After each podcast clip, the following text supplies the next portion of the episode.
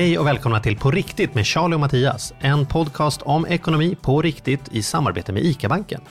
ICA-banken är en vardagligare bank som tryggt och enkelt hjälper dig att hålla koll på din vardagsekonomi. Framför mig har jag Mattias Andersson. Framför mig har jag Charlie Söderberg. Välkommen. Tack så mycket. Vi möts på neutral mark men ändå är det du som säger välkommen. Det är så här härskar Ja, jag vet, det är, så jag, det är så jag lägger upp det. Du får lite snäll mot mig idag, jag är lite så sårbar. Men jag tänker det här med härskartekniker och så här, det är du som går på alla möjliga kurser och här, jag bara undrar vart det här kommer ta vägen. För sist, det var bara någon månad sedan, då berättade att du skulle gå och lära dig hypnotisera folk. Ja. Och då börjar man ju så här, Ja, jag blir lite nervös. Tänker man bara, jag har gått hypnoskurser. Ja, och sen nu när vi pratade inför, när vi skulle förbereda den här intervjun som vi ska göra mm. Eh, med våran gäst. Då skulle vi snacka och då sa du så här, ja men du kan absolut inte nå mig på lördag. Nej, vad då då? Nej, då ska jag på en mindfulness-kurs. Så jag ska vara tyst. Mindfulness retreat, 12 Aha. timmar i tystnad. 12 timmar i tystnad. Många skulle tro att det är en omöjlighet för herr Söderberg. hur kan Charlie Söderberg hålla käften i 12 timmar undrar jag. Det intressanta är att jag är en ganska introvert människa, det är ingen som tror det, men jag behöver ladda batterierna i tystnad och i ensamhet och till och med när jag hänger med min familj en hel helg så känner jag liksom att om jag inte får några timmar själv, trots att jag älskar dem, det är min son, det är min fru, jag känner ändå inte att jag, att jag har fått tillbaka min kraft om jag inte får tid själv. Och, och som det nu var i lördags, då, 12 timmar bara eh, meditationer i eh, tystnad. Vi satt och åt precis här, en meter ifrån varandra som nu. Sa inte ett ord till varandra hela gruppen. Och var det ingen som sa någonting? Ingen sa, ja, vi får, hade man, får man ha en, en kommunikation ändå? Nej. Så nicka så här, nej, nej, nej. Skål inte, man dricker? Inte eller? skål, inte nicka, inte skriva på lappar. Bara gå in i dig själv. Och den kravlösheten och liksom att, att, att, att umgås med sig själv. Hänga med sig själv några timmar. Och jag är också inne i en fas i livet nu när väldigt mycket handlar om vad vill jag, vad ska hända i framtiden? För möjligheterna strömmar till mig nu och någonstans måste jag välja. Och jag har det ganska lätt att jag jag väljer där jag känner att jag kommer till mest nytta, det vill säga där jag passar lättast. Liksom. Är det tomt på scenen, då hoppar jag upp. Men jag vet ju att långsiktigt är det bättre för mig att ta ett långt andetag och tänka, så vad vill jag vara någonstans? Inte bara vad, vad får jag vara med? Men hur var, hur var kursen då? För du sa ju så här, du får fråga mig efteråt hur den var. Hur, hur, hur var den här retreaten då? Jättespännande. Spännande. Det var ja, men, fan, svårt att sätta ord på. Efter, jag kan säga så här, det är svårt 12... att sätta ord på något när man inte har pratat på 12 timmar. Men... Efter 12 timmars tystnad så skulle vi ha någon liten ring och prata om vår upplevelse. Jag hade sånt motstånd mot att börja prata. Alltså det var som att jag bröt något typ av nu tittar du på mig som att jag är klok här, men jag sitter inte i lotusställning med rökelse hemma till vardags, men, men jag är inte rädd för att liksom undersöka eh, ganska långt ut. Jag är ju både så här, du vet, li, lite så här, ja, yoga och likviditetsanalys slips. Det tycker jag själv är en av min styrka. Min, min, min coach har, har kanske inspirerats av det här som har varit så här, kan prata med slipsarna på slipsarnas vis och prata med yogabyxorna på yogabyxornas vis och kanske ta det bästa från de två världarna och få ihop dem. Det är väl lite det, det samtalet vi gör här handlar om, att få ihop hård ekonomi med, med mjuka värderingar, om man ska vara så ytlig och säga det, och sen plocka ner det på någon typ av men vardag, på, på riktigt. Det är mm. det som är på riktigt. Mm. Och apropå det då så kan du få öva på det nu då, för vi har ju faktiskt en väldigt spännande gäst idag. Vi har Kristoffer här idag, Kristoffer Triumf. Stort tycker jag. Vet, vet, du, jag vet, heter han Triumf ja. från början eller har han liksom bara tagit sig Triumf? Nej, det, det vet för jag. Att han för är det här är triumf. ett gammalt soldatnamn tror jag från 1600-talet. Så ja. han, har, han har faktiskt alltid hetat Triumf, min åsikt. Jag eh, var ju tvungen att googla lite. Ja. Ja. Så att, eh, det är min, vi får fråga honom helt enkelt. För det är den vanligaste jag brukar få när jag liksom berättar vad jag heter, folk som inte vet vad jag heter. Så här, jag heter Charlie.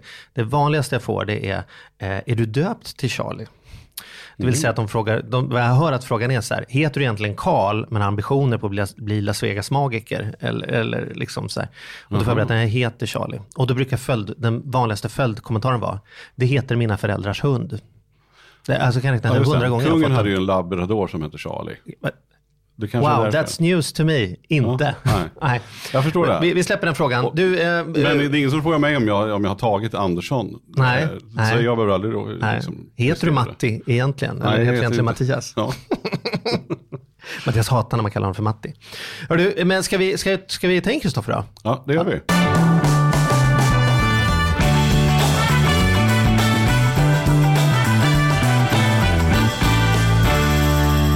Välkommen Kristoffer. Tack så hemskt mycket. Vi brukar börja med en, med en liten sån här testskjutning på varandra här. Lite Kristoffer-kunskap. Okej. Så du ska få vara domare i den här tävling.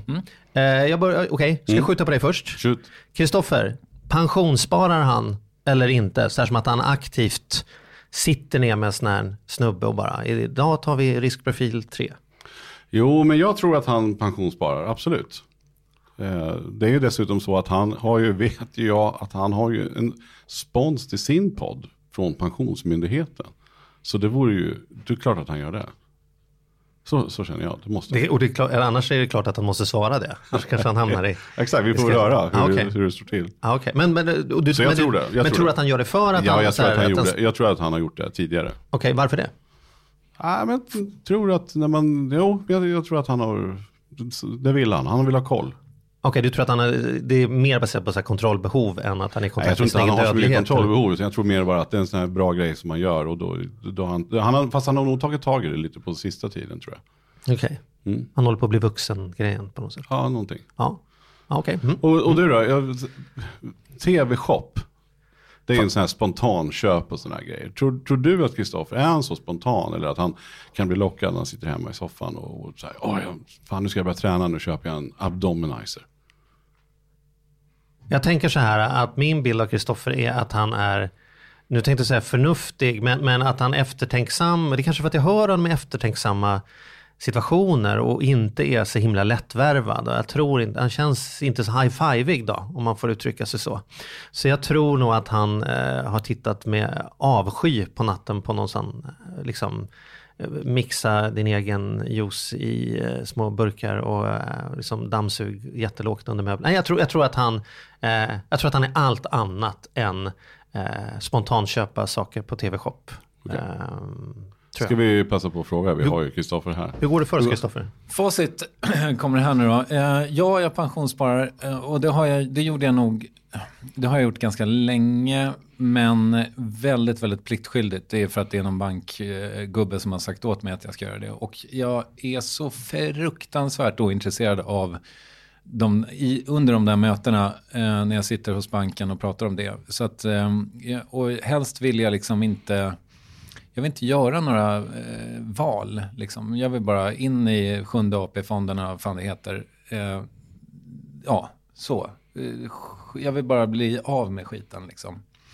Eh, spontanköp, eh, tv-shop visste jag inte ens att det fortfarande fanns. Eh, men det gör det väl inte. Det var bara någonting ni hittade på va? Ja, jag vet vi, vi tänker att, vi tänker att du, vår bedömning är att du var med på TV-shop-tiden Ja. om inte annat. Men, Ja, jo men det var jag. Och jag har aldrig köpt någonting där. Men däremot så är jag väldigt impulsiv när det kommer till eh, inköp och sådär. Min tjej tycker att jag är sinnessjuk med det. Alltså att jag, och jag liksom köper grejer och skickar tillbaka dem och eh, sådär. Eh, så att jag är, mm, ja men där är jag väldigt, jag, jag, hon är ju så här, hon går och funderar i tre år på att köpa en ny stol liksom. Medan jag är mer så här, ja men då, jag gör bara.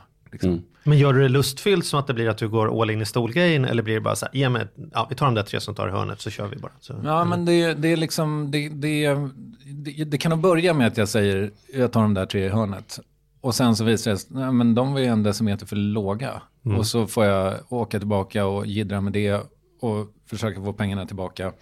Ehm, och sen så, liksom nu, just stolar är intressant därför att där har jag varit på jakt nu i flera månader efter nya stolar. För jag köpte Ikeas billigaste till köksbordet. Och de är inte kul. Ehm, så att, mm, ja. Men det är svårt eh, att hitta stolar. Höjd 65. Om någon har något tips så hör av er. Bra. Jag har aldrig tänkt på hur höga de är faktiskt. Men, Nej men det här är barstol va? Det är liksom, eh, det är en svår sektor. Hörrni, innan vi fortsätter, jag måste bara, kan inte jag bara få eh, säga det här som jag funderade på? Mm. Jag, hade ju ett, jag har ju ett förslag. Ni, ni gör ju den här podden på Södermalm, eller hur? Ja. Ja. Det är helt sinnessjukt att ni inte har den här som vignett. Vänta. Söderöver distrikt Extraordinära rövarbröder från Södermalm Fixa cash Söderöver Ja, ni fattar. Vi fattar. Hur kan ni inte ha det? Ja, och hur har vi inte haft Petter som gäst? Nej, det, han står på vår önskelista faktiskt. Ja, men vad bra. Ja, vad roligt. Ni kan fråga honom då så kan ni byta vignett. Ja, Men, men du som vet hur det funkar då, räcker det med att man frågar honom, får vi använda den här vignetten som... Har han, har han rätt att ge bort sin egen? Jag vet inte. Ja, men gissningsvis så får ni göra det. Om ni använder sådär kort också som jag gjorde. Fast det är klart, blir det en vignett då kanske det kanske kan ställa till det. I Ja, don't know. Ja, lite Men rättigheter Stim- där med skivbolag, men det kan vi klära. Stim sitter ju snett över gatan. Så att, Det känns lite jobbigt att prata om detta här, men jag får säga som det. Vi har redan en Petter i den här familjen, vår producent, och det är han som väljer musik. Så. Ja, det kan bli dålig stämning om Ja. vi säger så här, Ja, ja. there's two Petters in the house. Liksom, och din Men musik det är spricker. ju, jag vet inte, så- ja, det, ja det var bra, tack för tipset. Ja, Ja, det var det lilla. ja, men det ska vi, den ska vi verkligen ta till oss.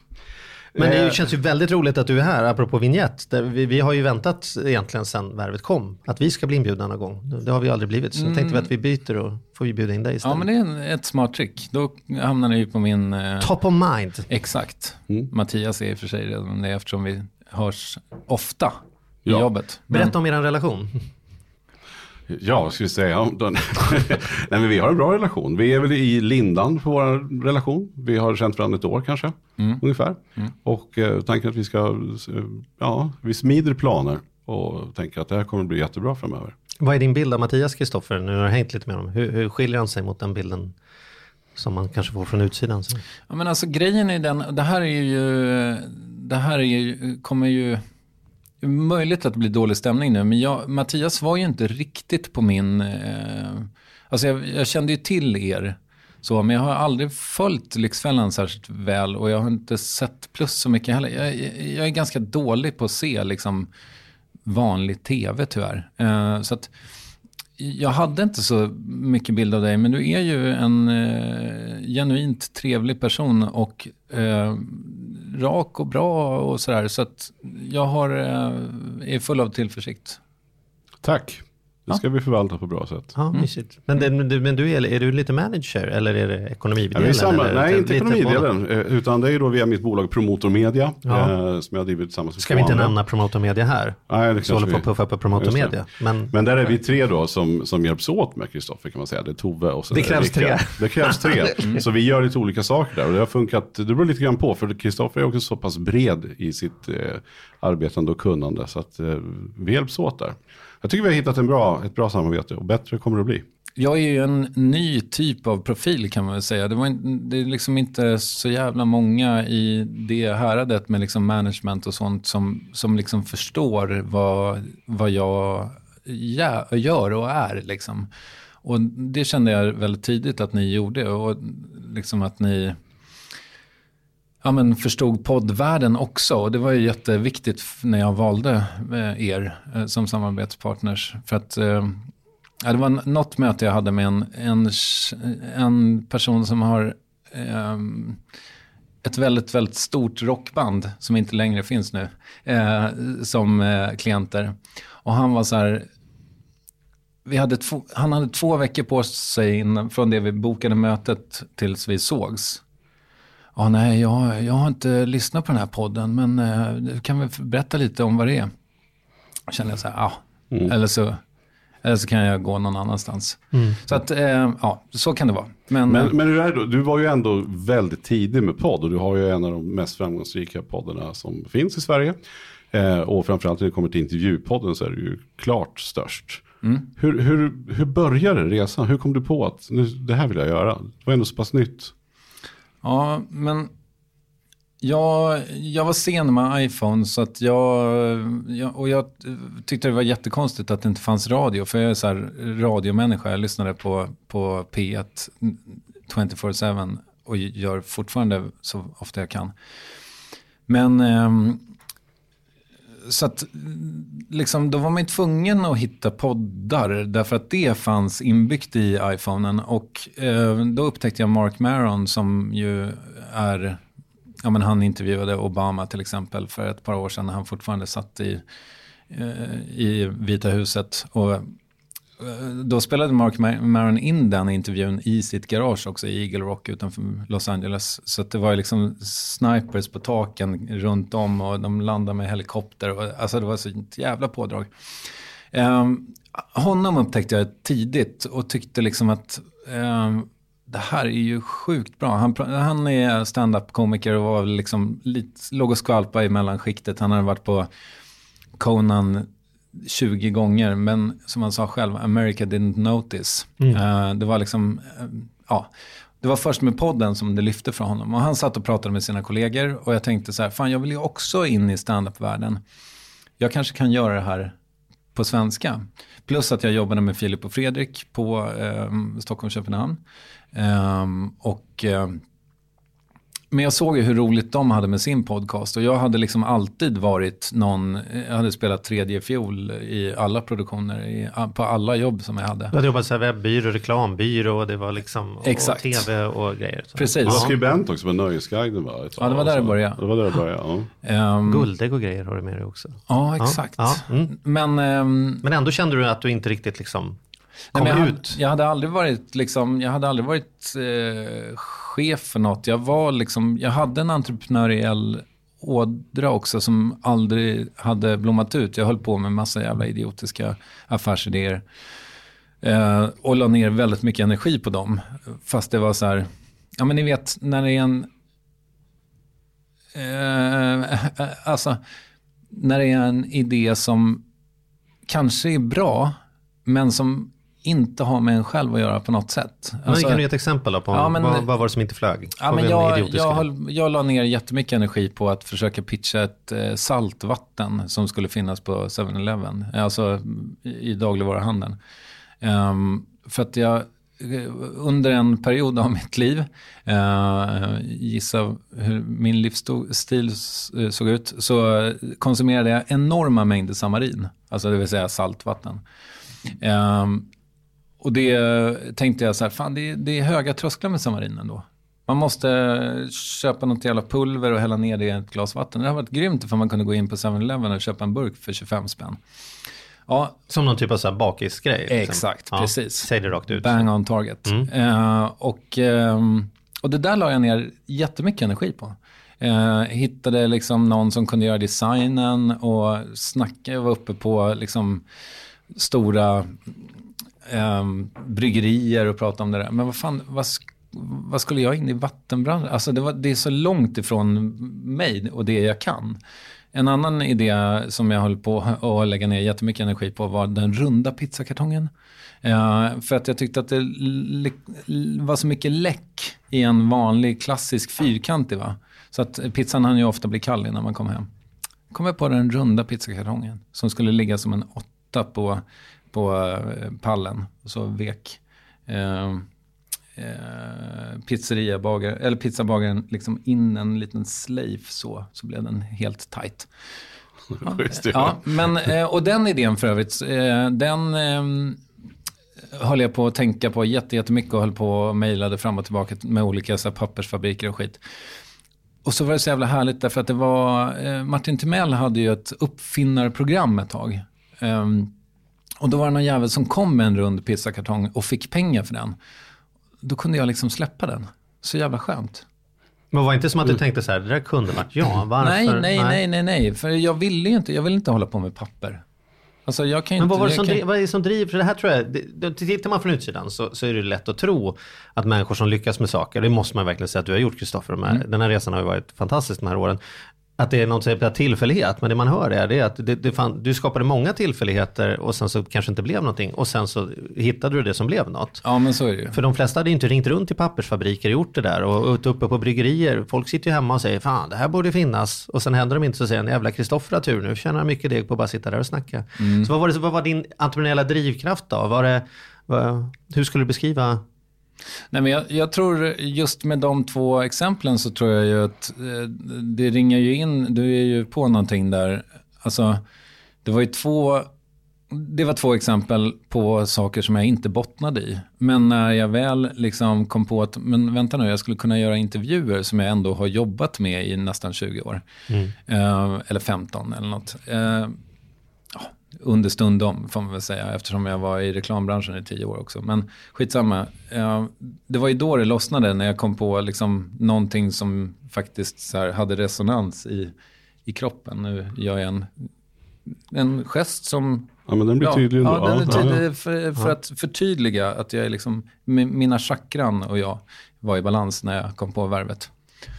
Men vad var det som gjorde att du kom, om vi, jag, jag ser ju att där, där hände det. Men det som gjorde att det kunde hända var ju just de här testskotten och att, och att du liksom ändå tänkte på ett sånt sätt att det finns en skapare i mig som vill ut här på något sätt. Liksom. Ja, fast Vad tror du det kommer ifrån då?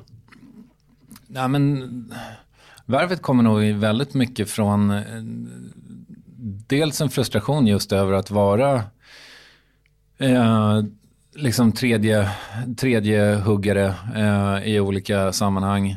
Och att jag såg, eh, ja, men just när jag jobbade med Filip och Fredrik så tyckte jag att det var så jävla tydligt. För, för eh, ingen skugga eh, ska falla över dem, men när jag jobbade med dem så gick ju otroligt mycket energi åt att bara försöka förstå och tolka deras vision av vart de ville. Och det verkade så jävla underbart att vara den som hade den visionen. Um, och så därför så ville jag ju verkligen ha någonting som bara var mitt. Liksom. Och sen finns det ju, alltså fåfängan spelar in också, eller liksom något slags, eh, ja, vad heter det, när man vill synas. Alltså, Bekräftelsebehov? ja, det med tror jag. Ja. Ehm, och jag, för jag kände mig ju väldigt mycket som en... Alltså jag, jag, jag tror att jag liksom... Jag tror att jag tyckte på något sätt redan som barn att fan det kommer bli något stort av mig. Ehm, men det kom så mycket i, i vägen på något sätt med livet och skit. Så. Men, men var det så att du jobbade parallellt? Liksom? Gick Ja. du och tog ett starta eget-bidrag eller jobbade du parallellt och kunde dra igång det här? Och sen successivt kliva över till att eh, leva på det. För jag läste någon intervju med dig från, jag tror det var i Resumé från 2012, där det stod att att eh, jo men det här vore kul, än så länge går jag bara back. Men är det någon sponsor som vill så är jag idel öra eller något sånt där. Mm. Då Grundfrågan var, kan man tjäna pengar på podd? Och det var 2012. Då, då, var- det var en seriös fråga från Resumé. Är det ens möjligt? Liksom? Men, men eh, det där är lustigt därför att eh, när min tjej säger att hon är ihop med mig så, så är det den frågan hon får oftast också. Kan, man, kan han leva på det? Eh, och det kan jag väl avslöja här och nu att ja, det går. Det går. Ja. Du, du, du ställer ju alltid den frågan, eller väldigt ofta, du gjorde det förut, inte så mycket på slutet. Så du alltid frågar dina gäster, vad tjänar du? V- Vad betyder den frågan för dig? Vad, för, vad, vad, vad är det du tänker att du får för svar? Ja, men jag var tvungen, tyckte jag, att- ställa den frågan för att jag eh, kände att det var ett tabu. Och då blir man ju sugen. Liksom. Sen finns det massa andra tabun som jag skiter i. Liksom. Jag, jag är väldigt osnaskig i mina intervjuer. Jag, jag vill, eller vill, det kanske, jag kan vara nyfiken på människors privatliv men jag brukar försöka att liksom ta, ta bakvägen i sådana fall och prata om, om yrket liksom, för att komma dem in på livet. Men, men, eh, men det var väl helt enkelt att det var tabubelagt. Men också att jag är väldigt nyfiken på pengar. Alltså jag är ju... Eh, jag kommer liksom inte från, från stålar så, utan jag, jag är liksom... eh, ja, men jag har ju verkligen levt på nudlar och lånta pengar liksom. Och morsan skickade så här eh, nödsändningar till mig första året eller åren när jag, när jag bodde själv med så här Barilla-paket och, och liksom eh, burktomater eh, och, och sådär. Och kanske ett par hundringar. så att, eh, när jag bodde i Skåne. Så att, Men, men i och med att du har ställt frågan så många gånger då, så vad tänker du, att du, vad tänker du kring den frågan? Vad, vad, vad hoppades du på eller vad, vad tänker du att man får för svar? Ja, men anledningen till att jag slutade ställa den, det var ju att alla tjänar 36,5. Alltså, eller vad det nu är, för att man ska slippa kommunalskatt. Just det. Gränsen upp till statlig skatten börjar. Så. Kommunalskatten Ja, får du förlåt. betala. Ja, Stat- okej, ja. statlig skatt. Yes. Eh, nej, men eh, så att därför så blev den lite tandlös. Men sen är det ju så, jag har ju fått höra det i efterhand att, att folk tyckte att det var jävligt härligt när jag frågade det. Ehm, Vad, hur upplevde du att det såg ut i ansiktet på gästerna då, när de fick frågan? Vad mötte du för reaktioner ifrån dem?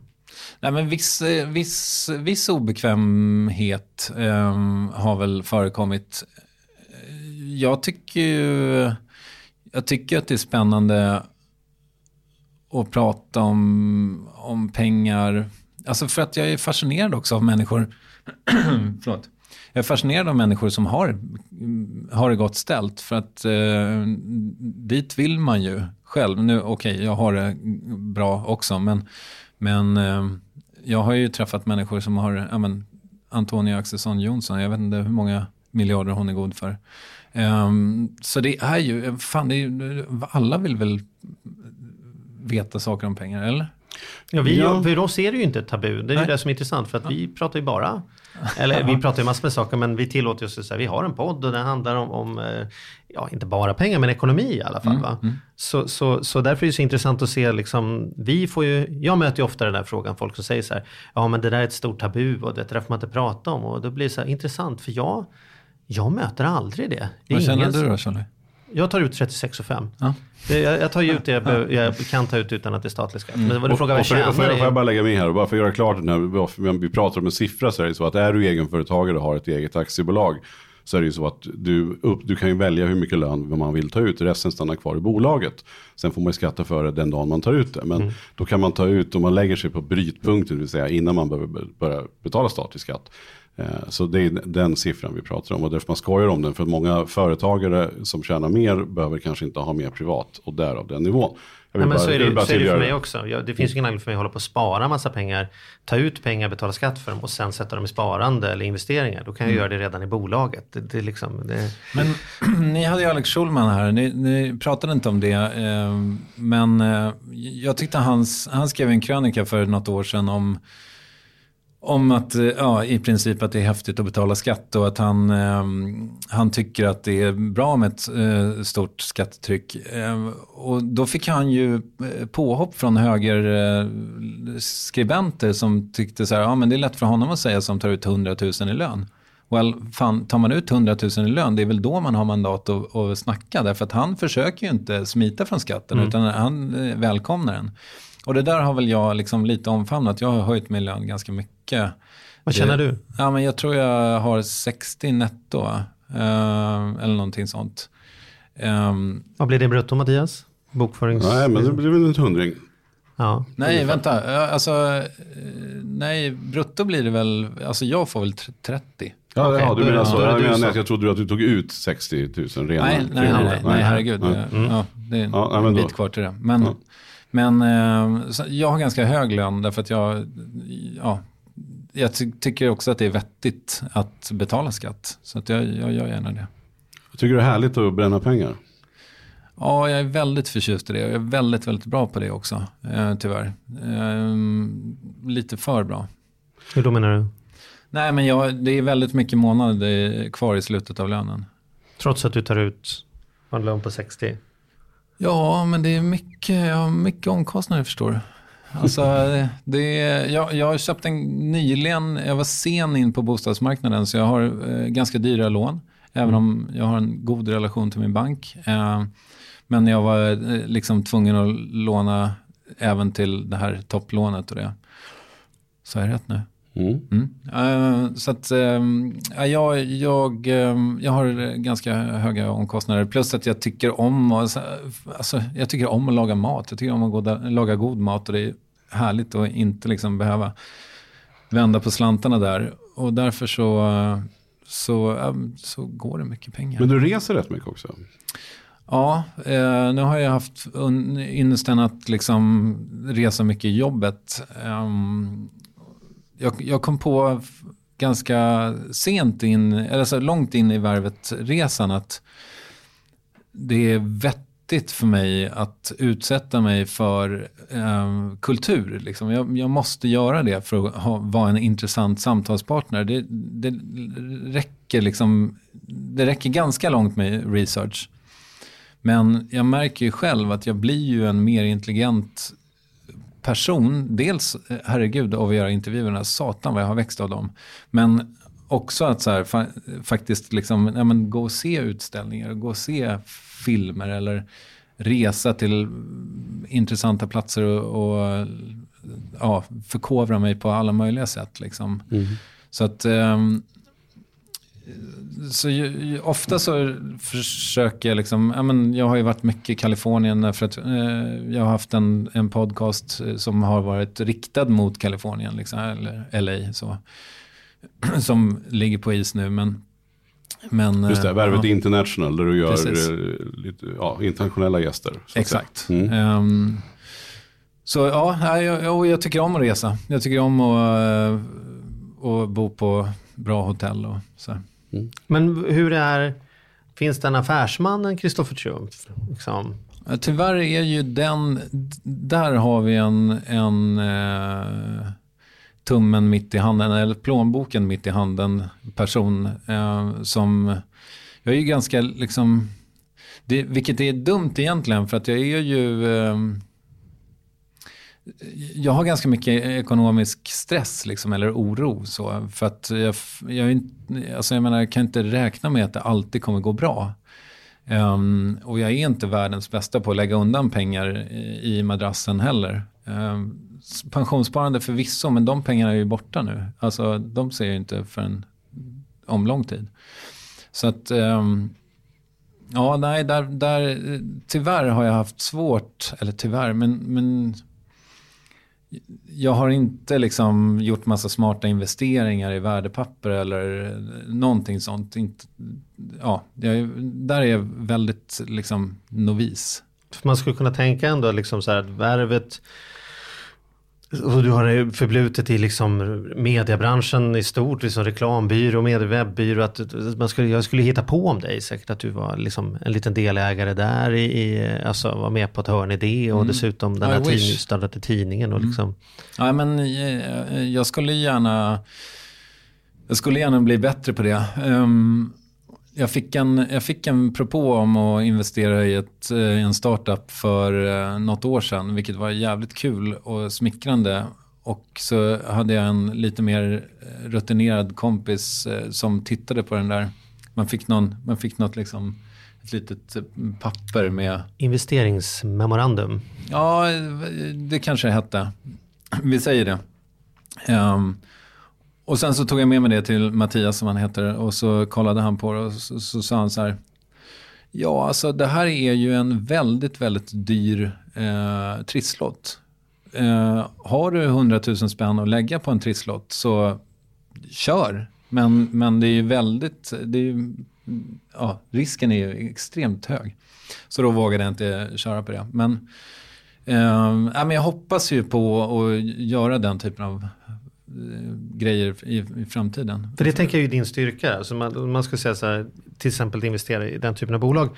Det som gör det inte till en trisslott är ju i sådana fall det som du var inne på med värvet, fördelen med att det är just du. Mm. För så gör jag när jag tittar på investeringar så säger jag så här, finns det en bra plan här? Jag tror att jag kan öka affären i paritet med den risken jag tar. Och nästa fråga är, finns det någon poäng med att just jag gör den här mm. affären? Mm. Mm. Finns det någon ökad fördel av att, att just, kan det vara, lika gärna vara liksom vår producent Petters pengar som mina pengar, då kan någon annan ta den. Ska jag mm. lägga in pengarna så vill jag att det också är så här, för att jag kan något om den branschen eller vi kan ha nytta av mitt varumärke eller vi kan göra det där. Och där ja, måste du ha enorma möjligheter eftersom du kan så otroligt mycket om, om den här branschen. Mm, ja, nej men eh, folk får skicka sina prospekt till mig då. Eh, men jag tänker, för det, det, det, kan det vara så då? För att vi, vi var inne på det här tidigare med, med eh, Filip och Fredrik. Kristoffer, om han hade velat bli programledare, men det vill han nog inte. Att det finns liksom att det är någonting som gör att du dyker upp som svår från utsidan. Folk som har affärer kommer inte till dig för de hittar på att du nog inte mm. vill prata om det. Eller ja, folk kanske. som har program kommer inte till dig och säger, kan inte du vara programledare? För att man har hittat på att du nog kanske inte vill det. Ja men det är ju fel. Ja, det förstår jag. Men, ja. eller, jag. Jag har ingen aning, men när jag hör dig berätta nu så tänker man ju så här.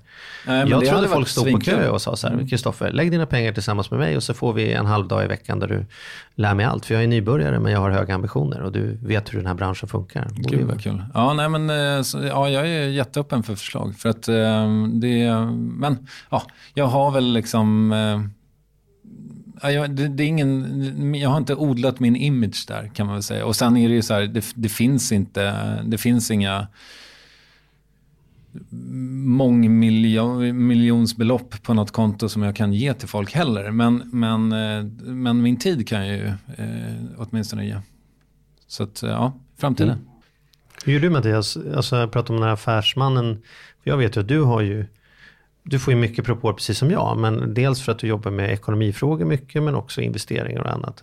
När vi, gör, vi har ju tystnadslöfte du och jag, eftersom vi har åkt bil så mycket tillsammans. Det första vi sa är att det som händer när bilen stannar i den här bilen. Men jag kan ju i svepande termer ändå säga att du har, jag har ju sett dig involverad i väldigt, väldigt mycket olika projekt. Så här, en mm. del ganska tippade och en del ganska otippade. För liksom, typ restauranger utomlands i ena ändan till liksom ganska självklara liksom fondtjolhoppsan. Mm.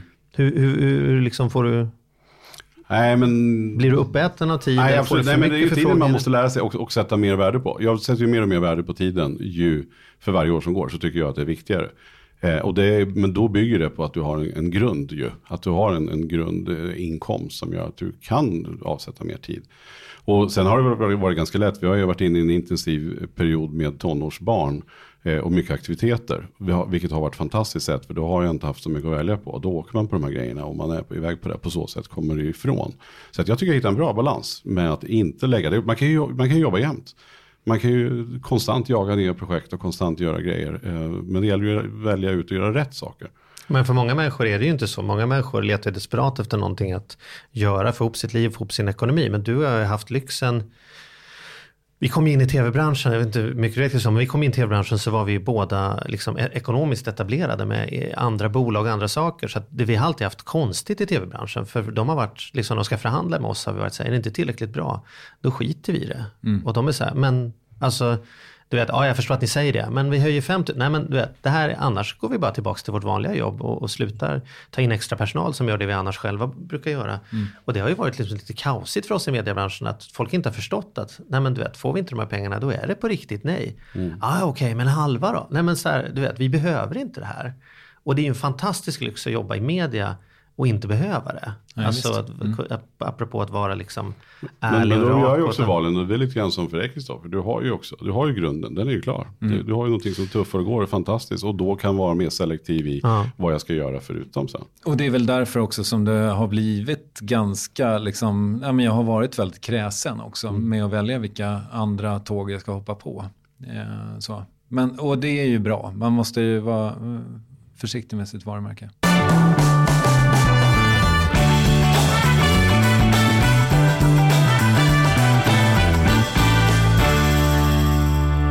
Tal om varumärke då så måste jag bara säga, när jag var liten, jag kommer inte ihåg vilket år det var, jag kan ha varit 15, 17 någonting. 1963 då? Ja, eh, 1789. Ja, ja, ja, nåväl. Då var det i alla fall så, 84 kanske, 85. Eh, så lyssnade jag på ett program som hette Café Bromé. Eh, som Lotta Bromé gjorde. Och jag hade en bild av henne, alltså jag lyssnade så mycket på henne under en sommar. Och jag tyckte att hon, ja, men jag tyckte det var ett bra program, jag tyckte hon var cool och jag hade en bild av hur hon såg ut. För hon stack ut så mycket med sin röst. Sen fick jag syn på henne på, liksom, i tv och då, det, var inte, det var så långt ifrån vad jag hade liksom fått en bild av. Var du positiv, överraskad eller besviken? Nej, ingenting. Det, jo, men var ärlig nu Mattias. Nej, nej, nej absolut Jag har bara varit så oerhört ställd och förvånad. Ja. För mig var det samma sak, för jag kände inte till Kristoffer eh, innan jag började lyssna på Värvet. Utan jag hade lyssnat på flera, flera avsnitt, jag vet inte hur många. Jag tyckte att den här radio, vilken röst han har mannen. Ja. Alltså, det var det så här, kan det ha varit den bästa radioröst ihop med Lotta Bromé, varför jag nu kopplar mig till det. Men, ja. men just den här rösten. Och samma sak här sen när jag väl såg dig. Så, så var så det inte, jag vet, nej, jag vet inte vad det, men det var inte alls det jag hade trott. Eh, kan Känner... du känna, alltså, är, för ett, du har en fantastiskt bra röst, det måste du ha hört tidigare. Tack. Ja, fast inte innan jag började med värvet. Nej. Det var ingen som hade observerat, du borde göra radio som du har så bra radioröst. Nej, jag, det, jag liksom, möjligen att jag har fått beröm någon gång när jag liksom har läst högt så, men eh, annars, jag tyckte bara folk sa att jag var sävlig. Alltså att jag pratar långsamt. Mm, vilket är ju väldigt behagligt när man gör en intervju. Ja, kanske. Mm. Ja. Thomas Bolme var så för mig. Alltså jag, Tintin. Han var ju Tintin mm. för mig. Så att liksom, mm. Och när jag såg honom i tv när han skulle prata någonting om så här, Sveriges Televisionsfack eh, skulle gå ut i strejk eller någonting. Så det, var, det var en chock för mig att han att han var så stor och så tjock och så eh, flintskallig eh, när jag var van att han var så liten, späd, spänstig och hade eh, liksom orange lugg som stod rakt upp. Jag, verkligen, jag fattar ju att Tintin var inläst, men han var så mycket Tintin för mig. Mm. Så än idag har jag svårt att höra något annat än Tintin när han pratar. Mm. Vet du vad, apropå röster, nu ska jag, vi, när vi jobbade tillsammans på Plus uppe i Umeå, då hade ju vi Bengt Strömbom som chef. Eh, och han är ju alltså dessutom Bengt i eh, radioprogrammet, du som lyssnar på radio, Mammas nya kille. Mm. eh, Bengt. Och det var inget problem för dig, för du hade inte lyssnat på Mammas nya kille Mattias. Men jag som är så stor, liksom, klungan, fan, älskat Mammas nya kille och gå och se föreställning. För mig var det så otroligt jobbigt att sitta och förhandla med någon som för mig var liksom en paro- alltså så här, ja, men det skulle vara som att sitta med Tintin. Och, Mm. göra en, det, det, det, och jag var tvungen att säga det. Jag måste bara säga, det här är jättekonstigt att du finns på riktigt. För för mig är du en karaktär i ett radioprogram. Liksom. Men jag, jag har också träffat Bengt och gjorde samma, liksom, jag tyckte också att det var märkligt. Han är ju väldigt, väldigt, väldigt, väldigt bra som straight guy. Liksom. Eh, ja, och det det där får jag väl också höra ganska ofta. Alltså, folk som känner igen rösten innan de förstår vem jag är, så att säga. Men du Men, blir, ja. röst, du blir röstigenkänd sådär när du men sitter det på en middag så vänta, jag känner igen din röst. Ja, det. jo men det händer. Absolut. Ja. Det är kul. Kristoffer, det har varit Yes. en stor, stor ära att du har varit med oss idag. Tack så hemskt mycket för att du kom. Tack för att jag fick komma. Mysigt.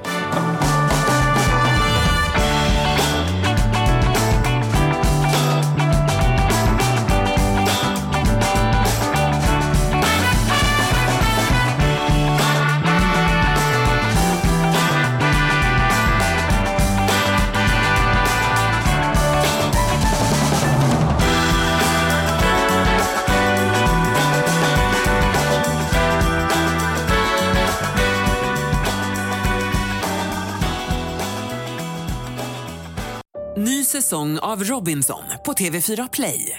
Hetta, storm, hunger. Det har hela tiden varit en kamp. Nu är det blod och tårar. Fan händer just nu. Det. är Detta är inte okej. Robinson 2024, nu fucking kör vi! Streama söndag på TV4 Play.